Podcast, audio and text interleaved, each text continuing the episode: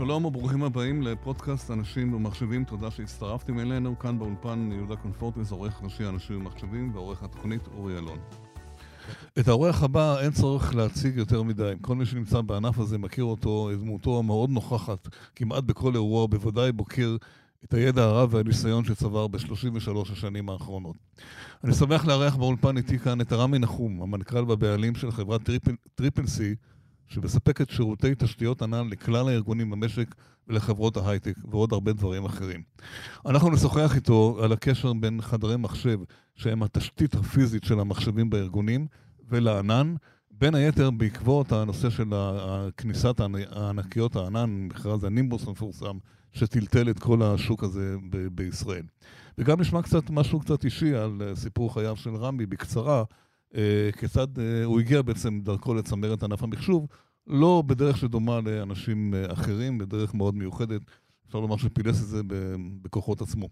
אז שלום לרמי נחום, ברוך הבא, תודה שבאת אלינו לאולפן, שמח לארח אותך פה היום. שלום יהודה, תודה רבה לך שאתה מארח אותי באולפן המהמם הזה של אנשים. אולפן הנמרים, כן. אולפן הנמרים, כל כך הרבה נמרים, אני כבר באווירה של ג'ונגל, כן. עושה לי טוב. תודה. אז בוא נתחיל באמת, אה, קצת בפן, קצת האישי, הסיפור החיים שלך כבר קראנו וכתבתי אותו, אבל אה, איך, איך התחלת? מאיפה התחלת בעצם? לא מפה, לא... לא, לא, לא, לא 8200, לא. ואולי היית 8200, לא יודע, לא. ספר, כן, קצת. אה, אתה יודע מה? אני, אני אגע בנקודה שלא הרבה מכירים, אבל היא נקודה מעניינת, כי אני לא רציתי להיות איש עסקים בעולם המחשבים או בעולם ההייטק. אני רציתי לפתח תוכנה בסביבה של real time. למרות החיים הקשים, הלכתי ללמוד מתמטיקה במדעי מחשב. אני שומע אותך נורא במקוטע, אתה מדבר למיקרופון, כן. הלכתי... כן, תתחיל. אוקיי. מההתחלה, זה נשמע חלש, כן. אני אולי רוצה לספר בקטע הזה משהו ש, שאנשים פחות מכירים. אני בכלל לא רציתי להיות איש עסקים בעולם ההייטק. הייתי איש, איש עסקים מספיק שנים כשהייתי צעיר, והלכתי ללמוד מתמטיקה ומדעי מחשב כדי להיות מתכנת בעולם הריל טיים. רגע, באיזה גיל התחלת את הלימודים? אה, החיים היו מלא תהפוכות, ואני הלכתי ללמוד בגיל מאוחר, בערך בגיל 25. אה, כיוון אוקיי. שסיימתי תיכון בגיל 24 עם ציונים גבוהים, אמרו לי, אתה יכול ללמוד מה שאתה רוצה. בחרתי מתמטיקה. כן. עם מדעי מחשב. מה הלך... עשית קודם? מה עשית קודם? קודם ניסיתי להחזיק, לפרנס אה, אה, משפחה שנפרדה מאבא בגיל צעיר, ועשיתי הרבה דברים.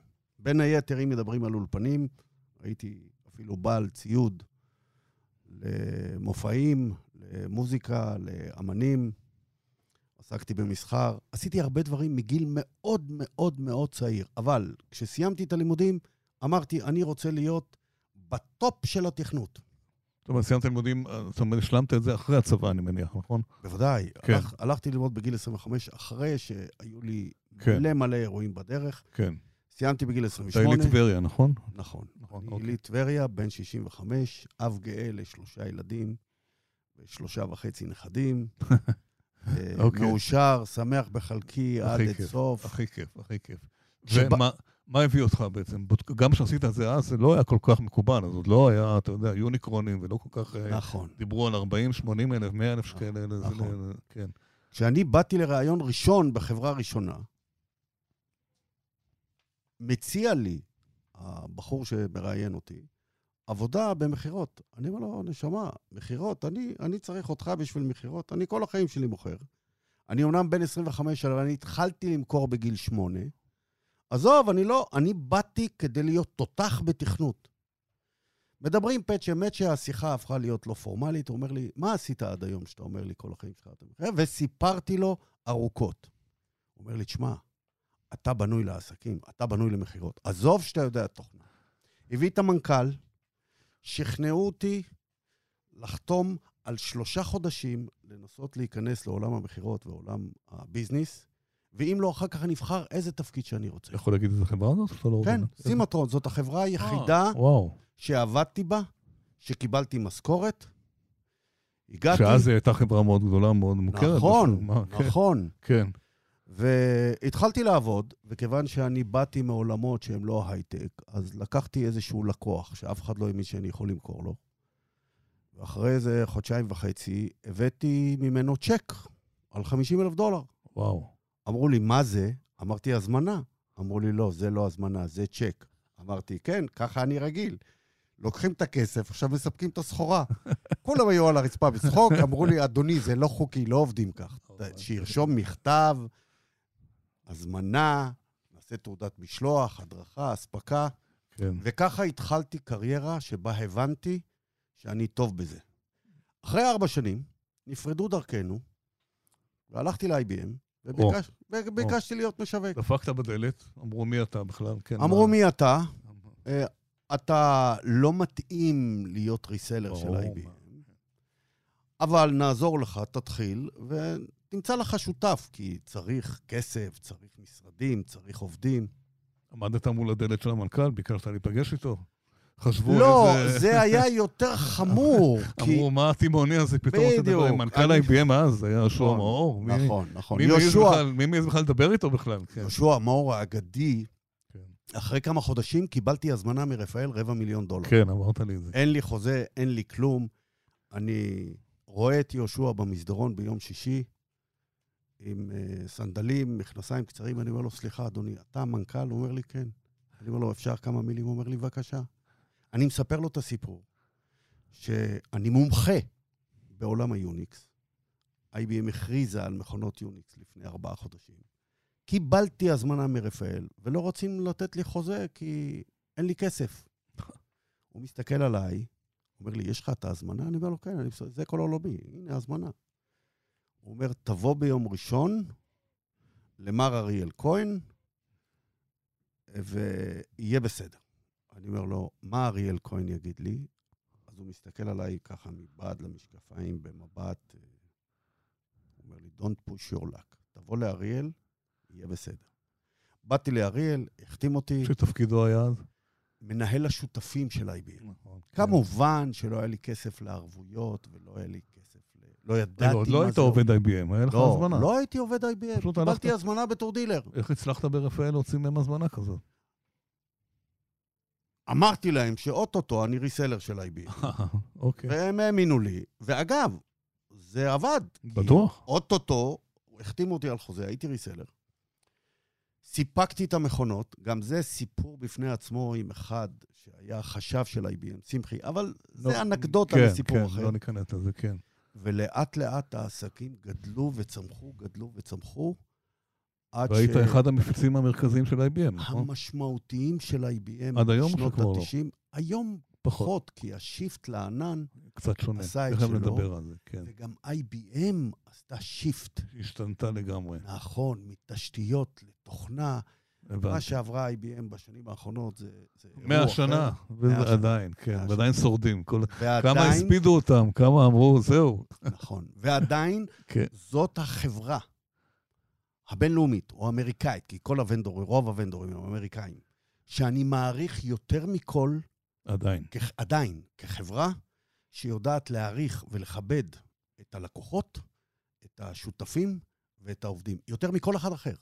ויש לי ניסיון עם הרבה. מתי הקמת את טריפל סי, את החברה הזאת? לפני, ב-89, שזה 33 שנה אחורה, כן, כמו שאמרנו, כן. אה, 20 או 15 שנה העסקים היו פצצה. כחברה למה? מה מה הקמת? תשתיות. כי אז לא ידעו מה מדובר בכלל, לא הבינו מה לא, אתה לא, רוצה. עוד לא נכנסנו לענן. לפני אה. 15 שנה, כן. אני בתחושת הבטן הרגשתי שהעולם בנושא התשתיות הולך למקומות פחות טובים. ואמרתי, צריך לעבור לעולם ה service, לספק service מרחוק. ניסינו לספק service לטלרד, כן. אה, זה לא היה DR, זה היה geo-cluster על מערכות שישבו אצלנו, וזה לא עבד. התקשורת לא הספיקה. הקווים היו קטנים מדי, וראשית, וכשרצית קו של גיג, או 100 מג, או 50 מג, זה עלה הון תועפות, נכשלנו. אוקיי. אחרי שלוש שנים עשינו עוד ניסוי, הבנו שזה מתבשל אבל לא בשל.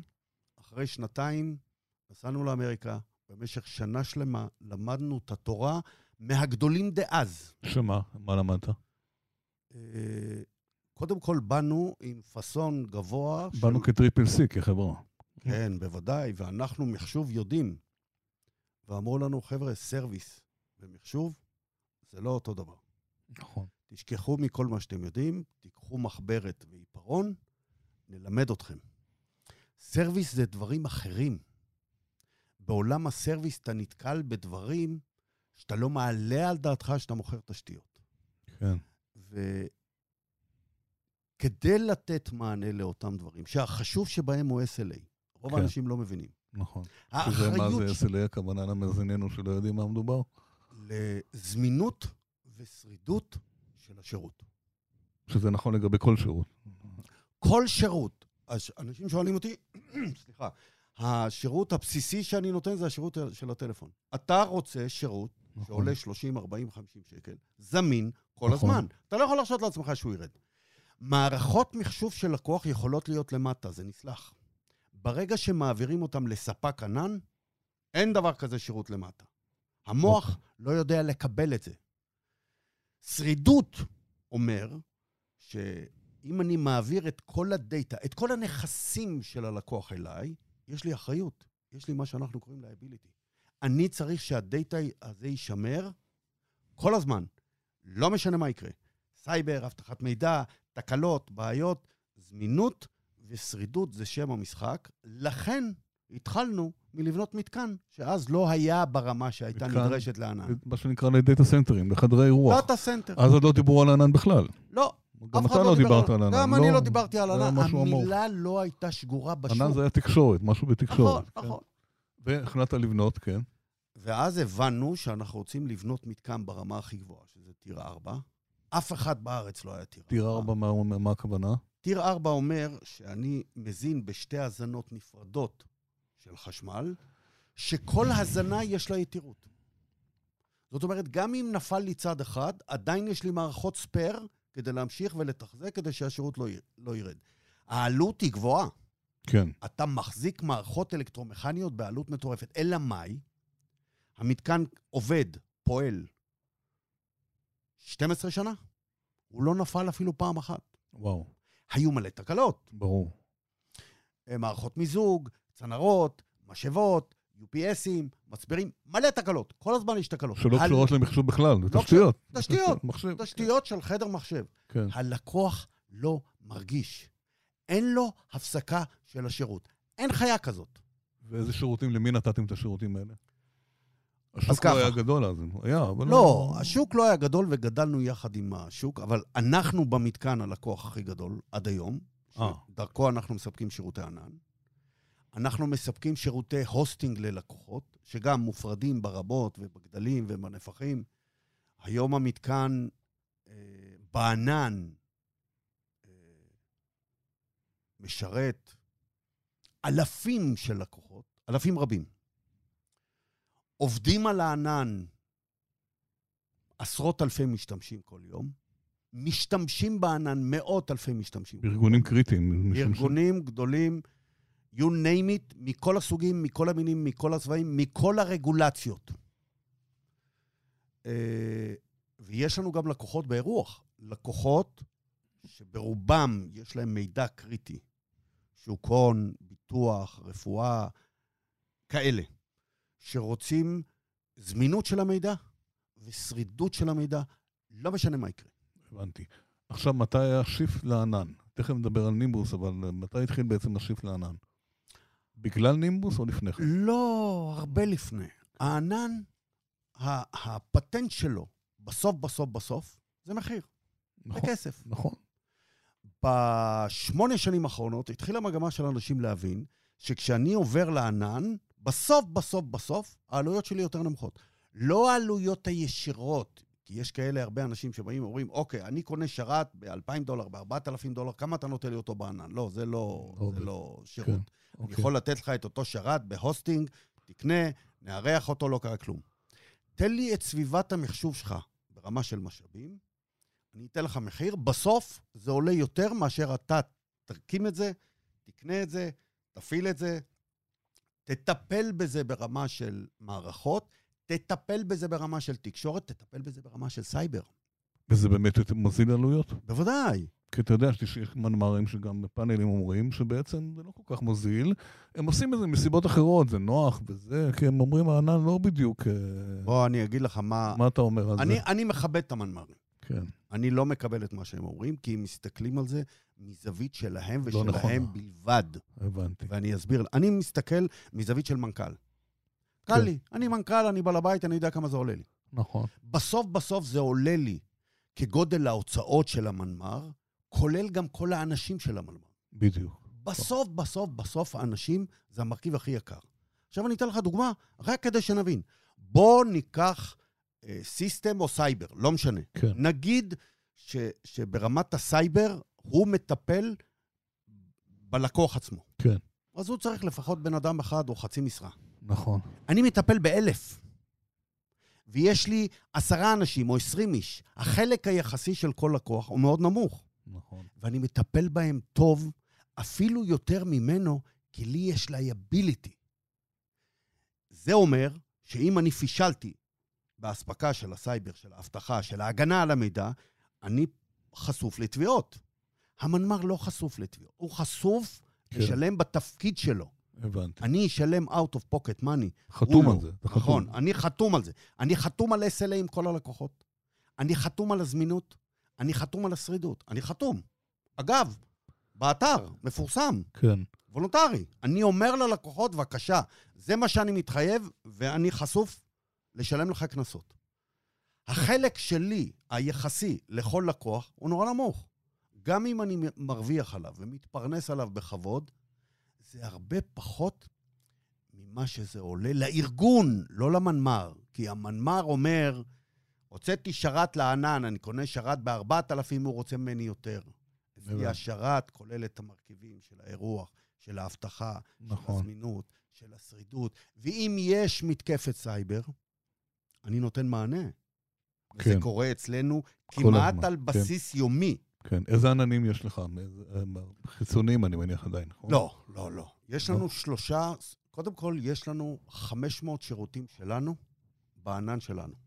מקומי, כן. הכל מקומי. יש לנו שלושה סוגים של תשתיות בענן.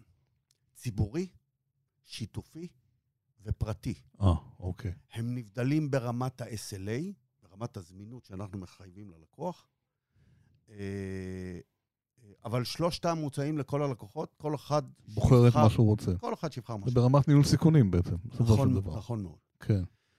אה, על התשתיות יש לנו דיסקים, הרבה דיסקים, כל הדיסקים שלנו מרופלקים, מגובים, יש לנו שני מתקנים, אנחנו מגבים בין מתקנים, אנחנו עושים סנפשוטים לכל המידע, יש לנו שירותי גיבוי, יש לנו שירותי תקשורת, יש לנו שירותי תוכנה, יש לנו שירותי אבטחת מידע, והכל ברמת אבטחה וביטחון של מתקן ברמה מאוד גבוהה, שעונה, דרך אגב, על כל הרגולציות שקיימות. שיש בארץ. הבנתי. כל מה שיש בארץ, אנחנו עונים.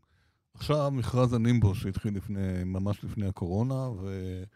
והחברות זה חברות בינלאומיות הגדולות נכנסות פה לישראל, שזה תעודת כבוד לישראל בכלל. אתה ישבת בפאנל פה לפני שנתיים-שלוש, ואמרת שאתה חושש שזה יכול לחסל חלק מהספקים המקומיים, אני לא מצטט במדויק. נכון. מה עשה, איך אתה רואה את זה היום, ואיך אתה, מתמודדים עם זה בכלל? אני, אני אסביר. קודם כל, אני לא אה, אה, מאמין שנימבוס ימומש כמו שהוונדורים, ספקי הענן הבינלאומיים, למה? חושבים שיקרה. אני חושב- הם התחייבו בחוזה, ב-SLA, לא? אני חושב שיש פער כן. בין המכרז לבין החוזה. אני חושב תסביר. שיש פער, אני אסביר. ואני אסביר את זה דרך סיפור, ברשותך. יפה.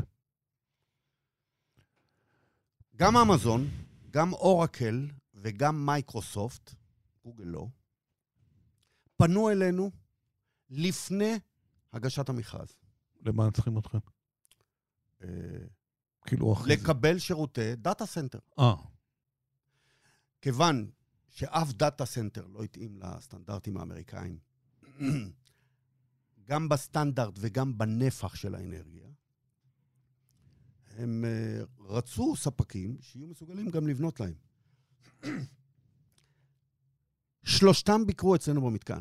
שלושתם אמרו, אנחנו מבינים מה אתם עושים, ואנחנו רוצים שתציעו לנו data center. לשלושתם... שתבנו להם data center? בוודאי. הם צריכים לבנות. כל מה שבונים... לא חוכמה לי- נכון. מה שיש להם, כן. נכון. כן. לא, הם רצו חלק מהמתקן שלנו כביניים, הבנתי, הבנתי. עד שיהיה מתקן גדול. כן. כל אחד והכיוון שלו, ובוא, עזוב, שלושתם כן. גדולים, מכובדים, הכל כן. בסדר. אני לשלושתם אמרתי, יש פער גדול בין מה שאתם מבינים שאתם הולכים לספק בישראל, לבין מה שתספקו בפועל, ואני אומר לכם על זה, על, את זה על בסיס זה, שאתם במזרח התיכון. מי שנתן לכם להבין את תסביר הסדרי... למה אתה מתכוון. אוקיי. למה הכוונה. נתחיל באמזון. אמזון רצה שני מתקנים של 15 מגוואט. אני חוזר על המספר, שני מתקנים של 15 מגוואט. המתקן שלנו, שהוא מתקן ענק, בכל קנה מידה, בקנה מידה הישראלי, הוא חמישה מגוואט. הם רצו שני מתקנים של 15 מגוואט. בואו אני אתן לך רק סדר גודל כדי שתבין. אם תכניס את כל מערכות המחשוב של הממשלה וגם של הביטחון וגם של החברות הגדולות בישראל, לא תגיע לך. לא תגיע למתקן אחד של 15 מגוואט. הם כדי- רצו שניים. עד כדי כך. שניים כי המכרז חייב אותם. נכון.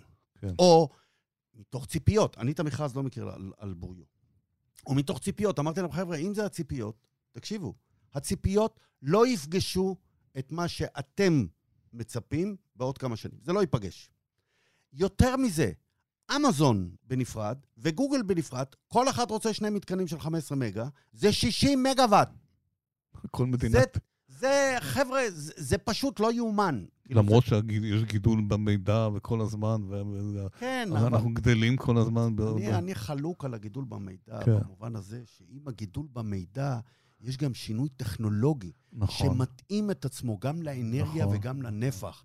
יש, אתה מכיר את האגדה האורבנית הזאת שלפני אה, בערך עשר שנים מישהו פרסם מאמר אמיתי, ואני מאמין לו, שאם לא יטפלו בנפח המידע, גידול המידע ב-2025, כל החשמל בעולם נזדקק לו רק לטיפול בדאטה הזה. נכון. זה נכון, אבל הדברים השתנו. נכון. לנו פעם היה דיסק במסד אחד של, של חצי פטה, שהתמודדנו עם נפחים. היום, בחצי מסד, יש לנו שני פטה. כלומר, כן. מסד אחד, יש לנו ארבעה פטה. זה, זה מטורף איך הטכנולוגיה מתקדמת. אז מה אתה אומר על נימבוס? מה- אני מה- אמרתי כן. להם, כן. שחבר'ה, למתקנים כאלה, אני לא רוצה להגיש הצעה. נכון. אמרו לי, למה? אמרו לי, כי בעוד שנה, שנתיים, שלוש, תהיה בעיה. והבעיה, למרות שיהיה חוזה, יהיה לכם איזשהו way out. אני לא רוצה להישאר עם מתקן בנפח כזה של 30 מגוואט, שאין מה לספק בתוכו גם לכולם. אגב, יש היום בעיה בנימבוס, שלקוחות ביטחון אה, חוששים ממנו. כל המתקנים יש נבנים, להם מכרז נפרד, כן. עזוב שיש להם מכרז נפרד. כן. והמתקנים שנבנים הם מעל הקרקע, אה, או לכל היותר קומת מינוס אחת. נכון. זה סטנדרט אמריקאי, וזה סטנדרט אמריקאי סבבה לגמרי. אלא מאי? באמריקה לא נופלים טילים. בדיוק. אנחנו אנחנו במזרח התיכון אמרנו. אנחנו במזרח התיכון. כן. ותמיד הייתי אומר להם בפורומים האלה שאני מדבר, Welcome to the Middle East. אנחנו חושבים אחרת. הם לא הבינו את זה. אני לא יודע מה היה כתוב, איך אבל אני שמעתי ביקורת קשה של חלק מ- מהלקוחות של אה, מערכת הביטחון, שחלקם נמצאים אצלנו. כן. שאומרת, אני לא שם דאטה בקומה, אה, בקומת קרקע. אני לא שם. טיל אחד, והלך לי כל השירות. אני לא יכול, אם זה מערכות קריטיות, אתה לא יכול. משרד הביטחון, רוב המערכות שלו הן מערכות קריטיות. הזמינות שלהן היא סופר קריטית. ממשלה אולי יכול לסבול פגיעה. ביטחון כן. לא יכול לסבול. הבנתי. לכן אני חלוק דעה על, על גודל השירותים שיהיה במכרז הזה בשנים הקרובות, ועל... לא והאם אגיד- זה יפגע בספקים המקומיים? זאת השאלה. עזוב כרגע ככל, אני מה אגיד כך, שהממשלה תקבל או לא, אתה יודע, אוקיי. הממשלה לא נמדדת על מה שתקבל, היא תקבל כי זה מה שיהיה, כן. אני אגיד כך. כן. חברות אמריקאיות הן חברות שמנסות למקסם רווחים נכון. במקסימום אוטומציה ומינימום מעורבות של גורמים נוספים בדרך. כן. עד לפני לא הרבה שנים, שוק המחשוב התקיים בפורמט מסוים שכולם הבינו אותו. נכון. הייתה תעסוקה, הייתה פרנסה, הרוב היה בסדר. עכשיו באות חברות שאומרות, אני מספק את הכל ממתקן אחד, שאגב, שמי שמתפעל את המתקן, רוב האנשים לא נמצאים פה. מי שנותן תמיכה בכלל לא נמצא פה. בחו"ל. הוא נמצא בחו"ל, בהודו, בבולגריה, באינדונזיה. העבודה של הטיפול במערכות האלה תצא מהארץ. היא אה. לא תהיה בארץ. הבנתי. אני טענתי שזה יפגע בחלק מהאנשים, זה לא יעזור כלום. עננים מקומיים כמונו, התעסוקה היא מקומית. כל התעסוקה היא מקומית. זה נכון שאני מעסיק פחות, כי אני יותר יעיל, אז היקף אנשי הסיסטם שלי הוא יותר נמוך מאשר כל הלקוחות ביחד בנפרד. אבל עדיין אני מעסיק אותם פה. בשירותים של אמזון, של גוגל, של מייקרוסופט, של אורקל, של IBM, ועוד כמה חברות בדרך שיש. נכון, למרות שאני גם מפריד ביניהם. יש גישות שונות נכון, לחברות שונות, נכון. אוקיי? IBM זאת חברה אחרת קיצונית מצד אחד, מייקרוסופט זאת חברה אחרת קיצונית מצד שני. הן לא דומות, לא בצבע, לא בגוון, נכון. לא בשום דבר אחר. אה, רוב ה-professional services הוא לא מהארץ. לכן זה יבוא על חשבון אנשים שיעברו לעננים הבינלאומיים, ואגב, אני גם עושה היום את ההבחנה בין גודל הלקוח לבין סוג הענן שהוא צריך. לקוח גדול, כמו ממשלה, כמו טופ 100 בארץ, צריכים את העננים הבינלאומיים. והם ילכו לשם. וסיכוי סביר להניח שהם ילכו... אין ברירה. הכסף. מנצח. זה יבוא על חשבון. לא, זה... אני, אין לי היום לקוחות גדולים מהסוג הזה אה, בענן. אין לי. הם לא ממשלה, לא... אין לי. הבנתי. יש ממשלה, הם צורכים אה, אה, שירותים קטנים, אני אפילו בקושי מכיר אותם, הכל אוטומטי, יש אצלנו מלא סוגים של מערכות. אין לקוח גדול שעובר לענן. אבל זה יכול להביא גם את הלקוחות הגדולים מהמגזרים העסקיים שהם תחת רגולציה. ואז יגידו להם, תלכו לענן בעצם. זה, זה, זה, זה ה- נכון. ברגע זה שהענן... גם המודל העסקי של החברות האלה. ברור שהממשלה לא תיתן להם את הפרנסה. זה נכון. לא... כן. ברגע שהענן הבינלאומי ייתן מענה לרגולציה, תהיה תזוזה לענן. אני חושב שעלינו תהיה השפעה לטובה, כן? כי תהיה מגמה של ללכת לענן, אבל יש הבדל תהומי בין ענן בינלאומי לבין ענן מקומי, והוא כמה? א', ענן בינלאומי הוא יקר, יותר יקר מאשר... בוודאי, יותר יקר מאיתנו, by far. ב', אה, ענן בינלאומי דורש מומחיות כדי להפעיל אותו. אם אתה לא יודע להפעיל אותו, אתה חוטף חשבונות על ימין ועל שמאל. אנחנו פישטנו את זה לשוק המ- המקומי, ללקוחות בינוניים וקטנים, ואנחנו יודעים לתת מעטפת מוגדרת של שירותים, שירותי מומחה וכסף, שהלקוח חי בתוך המסגרת הזאת. אין לו פתאום פיקים שהוא מקבל חשבון של 100 אלף דולר שהוא לא יודע מאיפה זה בא לו. אין, אין דבר כזה. כן, כן. לקוח קטן גם לא יודע להחזיק מומחים שיחזיקו לו ענן. המומחה שיחזיק לו את הענן עולה יותר מאשר כל השירות שלו אצלנו. לכן, אני לא חושב שזה יפגע בנו, נהפוך. הוא. זה יביא לנו לאיזושהי עדנה. יגדיל- כן. יגדיל את השוק. עכשיו, מה אתה. אומר לגבי טענה שמשמיעים, לאו לאו דווקא לגבי ענן נימבוס, בכלל באופן כללי, שאחת הבעיות בענן, שחוזים די מורכבים ודי כאלה שלא כולם יודעים באמת לקרוא אותם, ואם יש איזו בעיה, אז אני אגיד את זה סתם, לך תתבע את גוגל, לך תתבע את אמזון, תחפש את אורקל בסיבוב. אני אומר כך. רק העורך דין יעלה לך יותר מאשר החברה שלך. מה אתה אני- אומר? על אני? אומר כך. כיוון שאני נמצא בסיטואציה כזאת מול ספק ענן בינלאומי, היום, כן? אני כן. נמצא. ואפילו אתה לא יכול לדבר. אני לא יודע להתמודד עם זה. אפילו אתה. אני לא. אני גדול, אני חזק, אני מכיר את הרגולציות מכל הכיוונים, ולמה? אה. מה הבעיה? כי החוזים הם בלתי אפשריים. נכון. רחמנות על מי שיצטרך להתמודד עם אירוע כזה. לא, לא מקנא בו. החוזים של הספקים המ- המקומיים הם שונים לגמרי. נכון. אגב, הם כפופים באופן גם מלא לחוק מזוהים, הישראלי. יודעים מי זה רמי נחום. כן, כאילו, זה לא. לא... גם יותר מזה, החוזים הם פשוטים, הם בעברית, הם קריאים, הם קצרים, יש את המחויבויות שלך, יש את המחויבויות שלנו, לא מסובך. ככל גם שהענן המקומי הוא גדול, הוא מתנהג גם בצורה יותר נכונה. הוא לא מישהו קטן שמאלץ כל מיני קשיים. יש הסכמים להיפרדות, יש הסכמים לכניסה ויציאה, יש הסכמים לגידול וקיטון. כל הלקוחות מכירים אותם. הם מפורסמים בווב, בדיוק כמו הלקוחות הגדולים. כלומר, אף אחד לא מחכה לאף אחד בפינה, ואם לא נוח לך, אדוני, הכל בסדר. ואתה חושב שהממשלה עולה לעמוד בפני אתגרים כאלה, או שהממשלה יש לה את ההסכמים משלה? אני לא יודע איזה הסכמים יש לממשלה. וראש הממשלה יכול להתקשר למנכ"ל אה, אורקל ולהגיד לו... כן, אני, אני, אני אומר לך ככה, אני עושה כן. כבוד לממשלה עם נכון. המחלקה המשפטית שלהם, אבל אני אומר לך ככה, זה מסובך וזה מורכב, כי אתה מתעסק עם חוקים של מדינות אחרות, בין היתר. הרי רוב הוונדורים הם לא חברות ישראליות, הם חברות נכון. אמריקאיות. זה העניין.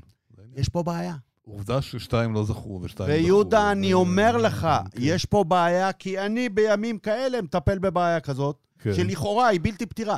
אם אני לא אשנה את הכל כך שזה יבוא לחוק המקומי, על מישור אחר לגמרי, אני לא יודע להתמודד עם זה. אגב, בנקודה הציונית-ישראלית, איך אתה מסביר את זה שחברות כאלה גדולות, לפחות שתיים מהן, אה, באות שמות פה יתד. ביזנס גדול לא יעשו פה יותר מדי, אתה אומר, זה הדברים האחרים. ואני יכול להגיד לך שאחת מהחברות, לפני שנתיים, כשהייתי בביקור, זו חברת מייקרוסופט, קראתי שם את אחד מהיועצים המשפטיים הגדולים שלהם. בדיוק פורסם, דיברו על מכרז נימבוס, וישבתי איתו בארוחת צהריים. הוא יהודי, הוא אומר, הסתכל עליי, הוא אומר לי, סר, אתה טועה, אנחנו, יש לנו 72 מדינות, מה פתאום שאנחנו נשקיע בישראל? מה הסיבה? אז מה, מה היה הרציונל בחברות האחרות? אני... הרי לא טיפשים, יודעים את ה... אני אגיד לך את דעתי. בכלל ישראל היא לא שוק, אתה יודע, כזה מין... אה, כן, אבל יהודה, אתה שוכח שישראלי יודע לספר סיפור. זה נכון. סיפרו להם סיפור. האם הסיפור התממש? אני חושב שלא. הבנתי אותך. האם הם נפלו בפח? אני לא חושב שהם נפלו. אנחנו לא, ישראלים. בדיוק. אנחנו סיפרנו סיפור, אם אתה רוצה לקנות אותו, תקנה, זה החוזה, יש פערים. אני מקווה שמדינת ישראל תהיה גדולה וענקית, יכול להיות שכן, אבל צריך גם לזכור שיש תקופות, כמו השנה האחרונה, שהצריכה של מדינת ישראל אה, באמזון היא גדולה. נכון. בשנה האחרונה היא, היא פשוט גדלה? מפלצתית. למה? כי אה, יוניקורנים, oh. יש להם כל כך הרבה כסף, שאתה לא מבין את גודל המשאבים שהם צורכים בחברות כמו אמזון, בלי חשבון, אגב. כן. בלי חשבון. המשקיעים משלמים, ראי... היזמים, המשקיעים משלמים. זה, זה, זה, אז קל לו לקבל חשבונית על מיליון דולר בחודש ולאשר אותה. עכשיו, מיליון דולר בחודש לסטארט-אפ זה בלתי נתפס. נכון. אוקיי? זה, זה מספרים מטורפים. הוא עושה את זה בקלות. היו הרבה יוניקורנים, זה טוב למדינת ישראל, זה טוב לי כאזרח במדינת ישראל שיהיו כאלה הרבה זמן, אבל בסוף בסוף זה לא יכול להחזיק לאורך זמן, כי צריך נכון. מודלים כלכליים שישלמו את זה. ברור, כבר ראינו עכשיו ירידות וראינו כבר נכון. תיקונים, קוראים לזה תיקונים. והתיקונים האלה יימשכו ויהיו כן. ירידות, לא תהיה התרסקות, אבל תהיה ירידה, וכולנו נגיע לאיזשהו היגיון בצריכה כן. של המשאבים. החברות הבינלאומיות מצפות שיקרה משהו. מישהו, ש... שמעתי גם מישהו, אה, איזה מישהו מספר סיפור, שהמתקן בישראל יהיה אזורי. איזה אזורי? על מה אתם מדברים? אני ניסיתי לעשות את זה בעצמי. כן. בדיוק, מצרים, ירדן, לבנון, כן, סוריה. כן. חבר'ה, אה, כל מצרים, ירדן, לבנון וסוריה זה פחות או יותר צריכת הענן שאנחנו מספקים לפתח תקווה. עד כדי כך. בוודאי, זה קטן. כן, נכון, אין שם, זה ממשלה בעיקר. נכון, זה, לא... זה רק ממשלה. רק ממשלה. ואני לא בטוח שהם יסכימו שהדאטה של הממשלות יישב פה. לא ישראל, כן. כפופים לחוק הישראלי, הדאטה שלהם פה. אגב, אני לא יודע אם אנשים יודעים, אבל דאטה שנמצא במתקנים של חברות אמריקאיות, חשוף לגורמי הביטחון האמריקאים. הוא חשוף. גם בישראל? בישראל הרגולציה שונה. גוף ביטחון אמריקאי לא יכול לבקש ממני גישה למידע. יותר מזה, הנה אני אומר לך, גוף ביטחון ישראלי לא יכול לבקש ממני חשיפה של המידע. לא יכול. לא יכול. הבנתי. הוא יכול לבקש. כן, לא יקבל. אני אגיד לו לא. כן, אסור לך. הכל בסדר, זה החוק הישראלי. אין, אין זליגת מידע. אין זליגת מידע. המידע נשמר לא רק לגופי ביטחון, שהמשמעות שלהם היא גבוהה, גם לא לצרכים אחרים. ויש מלא חברות קטנות שעושות את זה. וחברות גדולות אמריקאיות שעושות את זה. הזכרת את המילה סייבר, זה נושא לשיחה נפרדת. איך אצלכם מתמודדים? מה קורה? הרגשתם? אתם מרגישים בזמן האחרון? הסייבר בשנתיים האחרונות... זה כבר הפך להיות איום רשמי כבר, זהו, כן, כן. הוא לא עלה כיתה, הוא עבר מהתיכון לאוניברסיטה ישר לתואר שני. כן. ו... היקף האירועים הוא ענק. סוג המתקפות הוא מגוון ברמות על. אנחנו כל שבוע מטפלים בכמה לקוחות אה, שחטפו מתקפות. כל שבוע. אבל הפוליסי שלנו, הגישה שלנו אומרת, אנחנו לא יכולים לשמור 100% על הגדר. אין מאה אחוז. אין 100%, כדי שאנשים לא ייכנסו. אין דבר כזה. אנחנו יכולים לשלב בין שמירת הגדר לבין יכולת ההתאוששות, כך שכמעט ב-100% מהמקרים, ויש פה עץ, אני אקיש עליו, שלא קרה לנו עד היום, אף פעם עם אף לקוח, ותחשוב שבשנתיים האחרונות היו 700 ימי, לגמרי. 700 ימים, בוא נגיד 600 ימי עבודה, תחשוב שהיו 500 לקוחות שחטפו מתקפת סייבר. כולם התאוששו. אם אתה משתמש בכלים בהיקף גדול, שיש לך 1,000, 2,000, 3,000 לקוח, אתה יכול להרשות לעצמך ל- ל- לתקצב מיליונים על גבי מיליונים, כדי שיכולת ההתאוששות שלך, היכולת שלך להחזיר לקוח למצב שלפני המתקפה, תהיה גבוהה, ועד היום אנחנו עושים את זה בהצלחה. עכשיו פה נחזור רגע לנושא של אחריות. נניח שלקוח, היו חברת ביטוח שקרסה, בית חולים שקרס. אז יכול להיות שאולי הבעיה הייתה אצלו בתוך המתקנים עצמם. איפה, איפה אתם, מתי אתם אומרים, הוא אחראי, כבר הייתה איזה חברה שהייתה הוסטינג ו- ו- ו- ונפלה. אוקיי. איפה גבולות האחריות? מה בוא, כתוב בחוזה? אני יכול. להגיד, זה לא אני. אוקיי, אז אני יכול להתייחס לחברה הזאת שנפלה, ולא ננקוב כן. בשמה. הם אשמים. או, שלא יבלבלו לי את השכל. אני מבין איך זה עובד. הם אשמים. אתם צריכים לשמור על הלקוחות שלכם, על הדאטה של הלקוחות שלכם. אגב, זה קשה, זה כואב, זה נכון. עולה הרבה כסף, נכון. ולא תמיד אתה רוצה להוציא את זה.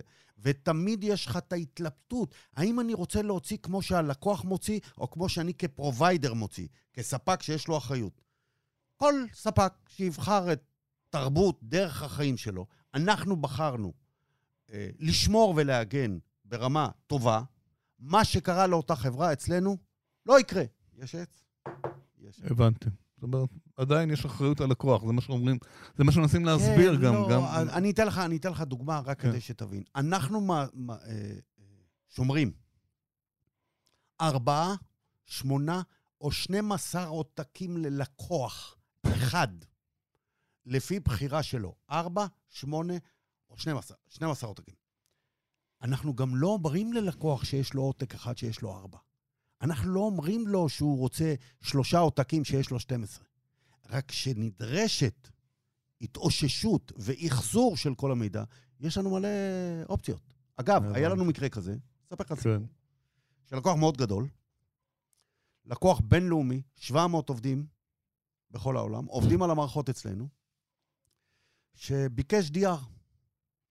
והתקנו לו DR בחיפה, כדי שגם יהיה מרוחק, וגם נוכל לשלוט בתקשורות בין המתקנים, ושהכול יהיה שריד וזמין וקיים. חטף כופרה ולא הרגיש.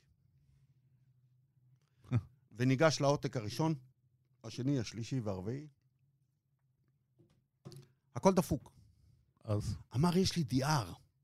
נבדוק אולי בעותק ב-DR. אני, למזלי, כמה חודשים לפני, אמרתי לך, לפני שנתיים, הסייבר עלה כיתה, לא עלה כיתה, עלה אוניברסיטה. אני ביקשתי להעלות את מספר העותקים ב-DR מ-2 ל-4. אוקיי. בדקו עותק ראשון, דפוק. שני, דפוק. שלישי, דפוק. רביעי. רביעי נקי. איזה מזל. אוששנו את הלקוח. עשית לו את ה... הצלת אותו. בעצמנו, לא גבינו ממנו כסף. עשינו את הכל בכיף, לקוח שאנחנו עובדים איתו הרבה שנים. זה היה תענוג להבין שהצלת את הלקוח מכופר של, אני לא יודע, שניים, אגב, שלושה, ארבעה. שאלה ששואלים אנשי סייבר, לשלם כופר או לא, במקרה? מה אתה אומר? אני, אני... לא אני, קשור אליך, כן. אני יודע שזה לא קשור אליי. אני אה, אגיד כך. אם אני, אם אני... לא, אני אתחיל מכיוון אחר. אני מציע לאדון לקוח, תשלם הרבה לפני שאתה מותקף כופרה. אל תחכה לכופרה, כי זה יעלה לך בריבית דריבית דריבית דריבית דריבית. אתה לא יודע איך תצא מזה גם. נכון, זה כמו שאתה קונה אוטו בחצי מיליון שקל ולא רוצה לעשות ביטוח. כן. אל תעשה ביטוח מקיף, אוקיי? אם אתה לא עושה ביטוח מקיף, אתה יכול לאכול אותה. אני לדעתי, בסופו של יום, גם כשיש סיכוי שכשאתה משלם לא ישחררו לך, תשלם כי אין לך ברירה. תלוי מה גודל, מה השפעת הנזק, תלוי. השפעת הנזק מהניסיונות שלנו היא. קולוסלית. לא, לפעמים הוא יכול לגמור לך כן. את הארגון, כן, הוא יכול לגמור לך את העסק. נכון. סטטיסטית, שני שליש מאלה שנפגעו בכופרה, כן? שנתיים אחרי שנפגעו, לא קיימים, לא התקיימו. לא קיימים. יש, נכון, יש מחקרים כאלה. שני שליש מחברות שנפגעו, ש- תוך שנתיים לא קיימות. שאלה אחרונה לסיום, אנחנו מדברים כמה ימים לפני כנס דאטה סנטר שלנו, של אנשים מחשבים שאתה משתתף בו. מה המסר שאתה הולך להעביר שם? מה, מה בדיוק... אה, בסוף בסוף, הכנסים הקודמים לימדו אותי שבאים לכנס הרבה בעלי מקצוע. הרבה כן. לקוחות שדאטה סנטר זה בדמם. ואני רוצה אה, לדבר על זה שהדאטה סנטר והקלאוד, המתקן והענן, דומים. שניהם נועדו לספק בעצם זמינות ושרידות של שירותי מחשוב. וכל מה שביניהם, אני הולך לנסות לדבר. אגב, זה לא פוסל שיש מתקנים, כמו אלה שנבנים היום על ידי ה... אה, אני קורא להם נדל"ניסטים במדינת ישראל, ויש הרבה כאלה. יש- לגמרי, זה הפך להיות שוק זה נדל"ן, מטורף. מגדלים על גבי מגדלים. מטורף. כן, וכמעט כל מי שבונה היה בקשר איתנו ואיתי אישית. וכמעט כל מי שבונה רצה לעשות partnership איתנו. והמתקנים שהנדל"ניסטים בונים הם מתקנים פשוטים. WeWork. כן, נכון. תביא את המחשבים שלך, אתן לך כלוב, שב תעבוד. שב, תעבוד, אני אתן לך שירותי חשמל ומיזוג אוויר, בזה זה נגמר. וזה בסדר, יש צורך כזה, צריך למלא אותו. הוא לא כזה גדול כמו שנבנים בארץ. כן. רוב הקפסיטי של מה שנבנה בארץ לא יהיה בשימוש. אין מצב, אין חיה כזאת. לבין מתקנים של עננים שנועדו לספק SLA ברמה מאוד גבוהה. 7 על 24, 365 יום בשנה, אין נפילות, אין הפסקת שירות. אני רוצה לספר את הסיפור של הקשר בין שני הדברים האלה, גם איך עושים אותו, כמה כסף צריך להשקיע, וזה הרבה כסף. גם במתקן, שלא יחשבו שזה. טיול בית בטח, ספר. זה. לא- עולה. לא- זהו. כי עדיין יש הרבה ארגונים שיודעים שהם, אתה יודע, תמיד היה ויכוח ההיסטורי, כן להוציא מחוץ לארגון או לא להוציא מחוץ לארגון, כבר עברנו את זה, אבל עדיין לא עוברים לענן, עדיין לא עושים את הקישור. זה חשוב שתסביר להם. נכון. הם אומרים, לא, אני לא רוצה ענן, אני מספיק לי... נכון. אני, אני חושב שזה חלק מהמצגת שאני אציג, מה ההבדל בין להיות במתקן חיצוני ברמה, אני לא מדבר על מתקן פשוט, לבין ה- להעביר אותו לענן. אגב, יש לנו לקוחות שבאו בהוסטינג, ואחרי שנה-שנתיים הם כולם עברו לענן. לא בגלל שזאת הייתה התוכנית, אלא בגלל שכשהם הגיעו והם הבינו איך זה עובד, והם הבינו את העלויות, אמרו, עזוב, עזוב, תעביר, תעביר את זה, תעביר את זה, תעביר את זה, תעביר את זה. הבינו שזה... אחרי שנתיים לא נשאר שום דבר בהוסטינג. ובסוף, יותר טוב לו עם זה, יותר וגם נוח. לך זה טוב. גם לי זה טוב. כן.